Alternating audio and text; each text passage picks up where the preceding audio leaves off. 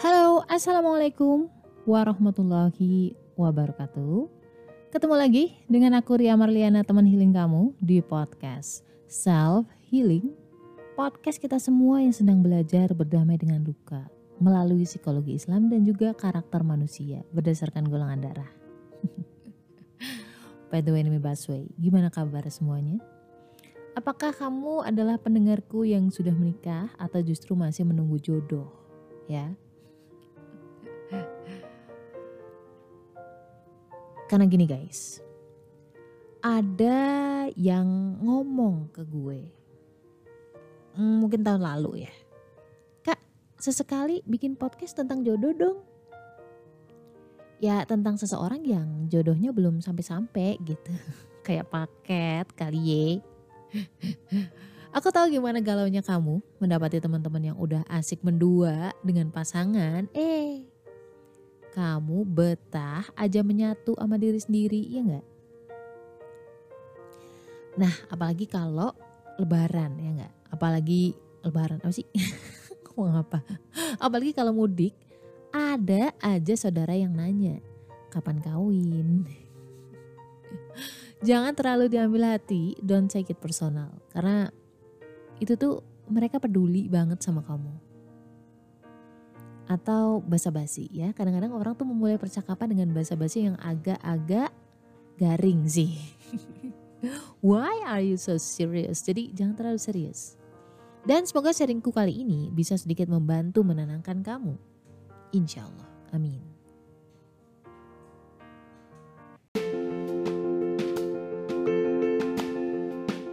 Pengen naklukin diri sendiri atau pengen naklukin hati golongan darah B, wajib banget baca. Jangan deketin golongan darah B sebelum miliki buku Beauty in Abyss ini. Tenang aja, karena bahasanya tuh bukan yang ilmiah-ilmiah banget.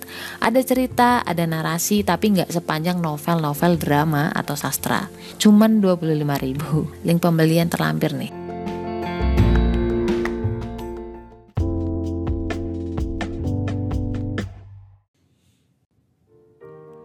Personally jodoh itu kayak kerjaan kalau buat gue. Tentu semua berasal dari Allah ya. Jadi biar gampang memahaminya. Kalau misalkan orang kan bilang bahwa jodoh di tangan Allah gitu kan. Tapi kan nggak semua orang memahaminya sampai ke dalam hati. So izinin aku bercerita dan menganalogikannya dengan yang lain. Biar lebih mudah relate aja. Ya gini, sekitar 4 tahun yang lalu tuh aku sempat buka usaha. Sesaat setelah resign dari salah satu bank pelat abang ya Alhamdulillah berjalan lancar. Tapi satu dan lain hal aku memutuskan untuk kembali menjadi company women. So aku kembali menjadi job seeker waktu itu.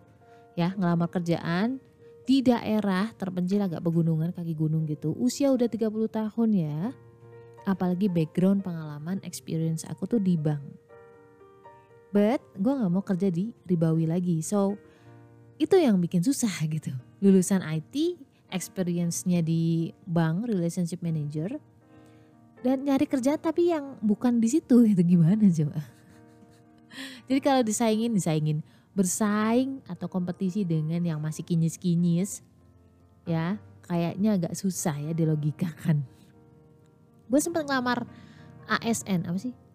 ASN uh, CPNS itu loh. But gue gugur di tes kepribadiannya. Entah ada apa gitu ya dengan kepribadian gue kepribadian gue. Tapi gue nggak sempat sedih waktu itu. Show must go on. Gak keterima ya udah cari aja yang lain. Kenapa ribet? Ada lebih dari 200 lamaran gue kirim tuh tiap bulannya. Untungnya tuh online jadi nggak pakai kertas. Kalau pakai kertas kan harus ngeprint lagi kan.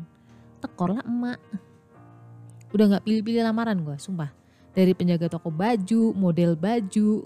Come on, model baju men. Model, please. Admin, sales, sampai news anchor.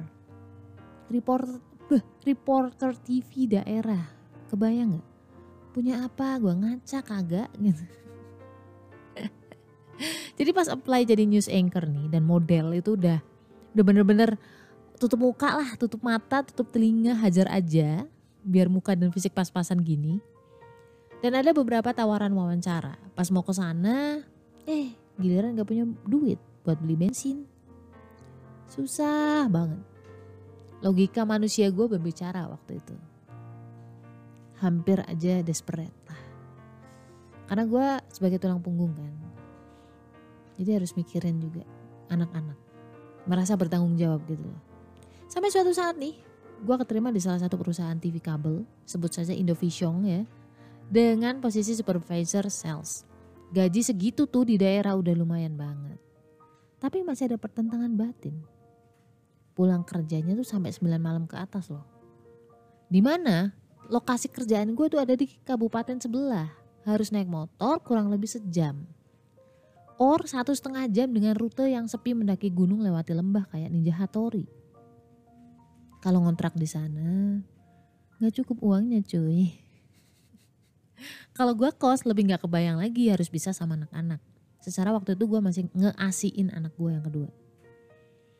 Dan di tengah kegalauan itu tuh akal seolah bilang, udah lu butuh duit kan, hajar aja, terima aja gitu loh.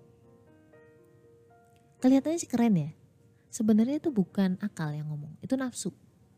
Karena apa? Uh, taunya itu nafsu gimana sih? Sebenarnya nafsu itu bersanding dengan rasa takut. Takut lapar.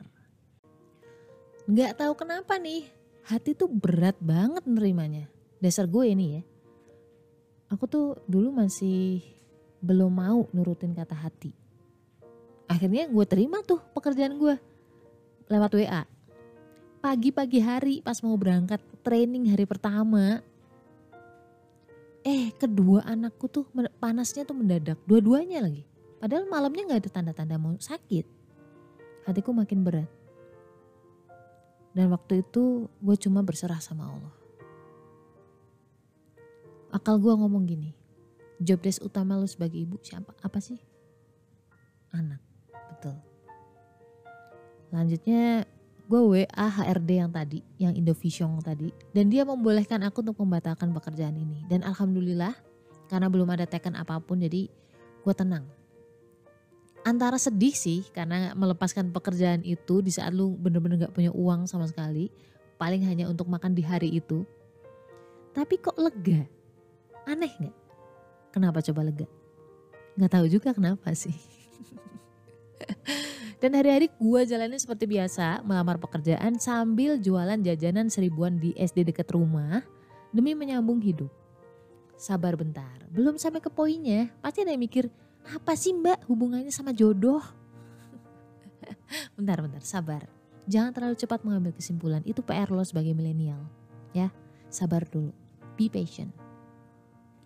Hingga suatu hari nih, suatu saat Allah ilhamkan hati gue untuk membuka channel Telegram yang isinya locker. Gue nyari di situ. Iseng gue search pakai keyword usia 35 marketing sales. Sebenarnya nggak ada kata iseng atau kebetulan ya. Karena gue selalu yakin bahwa Allah lah yang selalu memberi ilham ke kita sampai akhirnya menjadi sebuah eh, keinginan atau motivasi. Dan masya Allah, Allah pertemukan gue dengan loker perusahaan asing dengan gaji di atas ekspektasi gue, sumpah. Bukannya mata duitan, cuma kan kalau gaji memenuhi walaupun di luar kota, gue masih bisa lah ada dana untuk mengontrak rumah, bener gak? Satu demi satu tes gue lewatin, anehnya gue tuh kayak enteng aja ngejalaninnya. Dan pas harus wawancara ke Jakarta, udah tahap akhir gitulah. Gue gak punya uang kan. Tiba-tiba ada temen gue WA. Aku pengen bantu kamu. Nih, gue kasih buat ke Jakarta. Udah, gitu doang.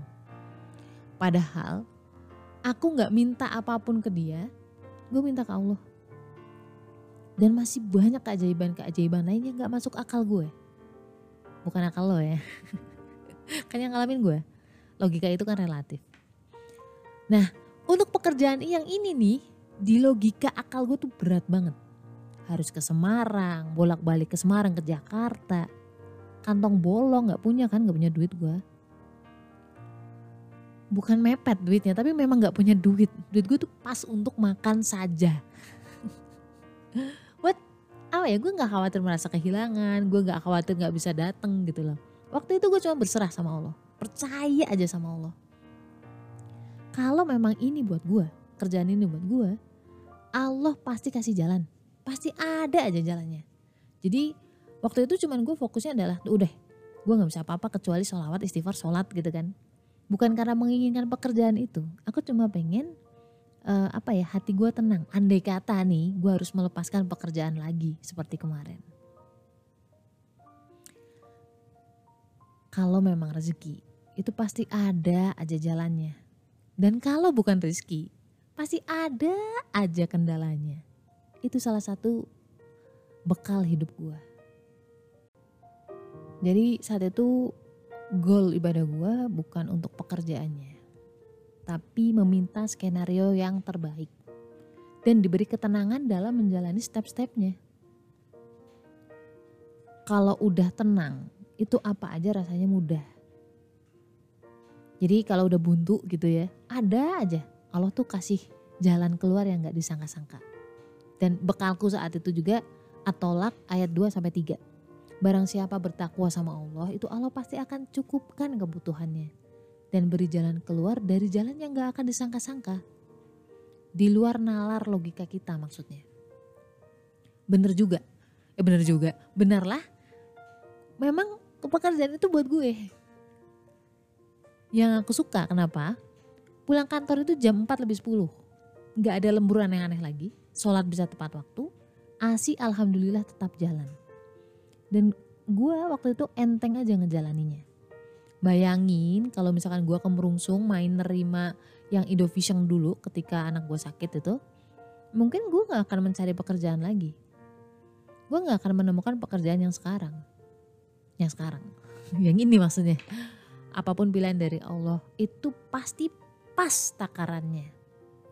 Sebenarnya gue udah sempet uh, cerita sepintas di awal-awal tahun 2021 kalau nggak salah di series Taubat Adventure, Taubat Riba Adventure. Nah, kurang lebih nih jodoh itu mirip. Biarkan Allah yang memilihkan buat kamu. Jangan pakai logika akal sehat lo. Belum tentu akal kamu lagi sehat. Kenapa logika kita itu terbatas?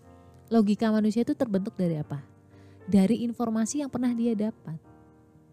Informasi yang pernah lo baca, lo denger, lo lihat itu logika. Dan pengalaman masing-masing orang kan beda-beda ya nggak?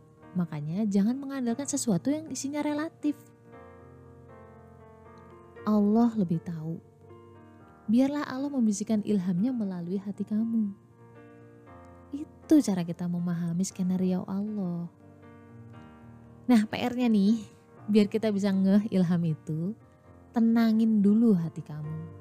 Coba kalau misalkan uh, kolam air di kobok-kobok atau akuarium di kobok-kobok, lu nggak akan tahu kan ikannya di mana karena keruh. Sama kalau misalkan jendela nih, jendela ketutupan debu gitu ya, kan kamu nggak akan lihat bahwa di situ ada bis, di situ sudah ada paketan datang, susah lihatnya. Bersihin dulu semua itu. Ketakutan kamu, rasa nggak nyaman kamu, itu cuma satu obatnya menenangkan itu. Sholat sama puasa.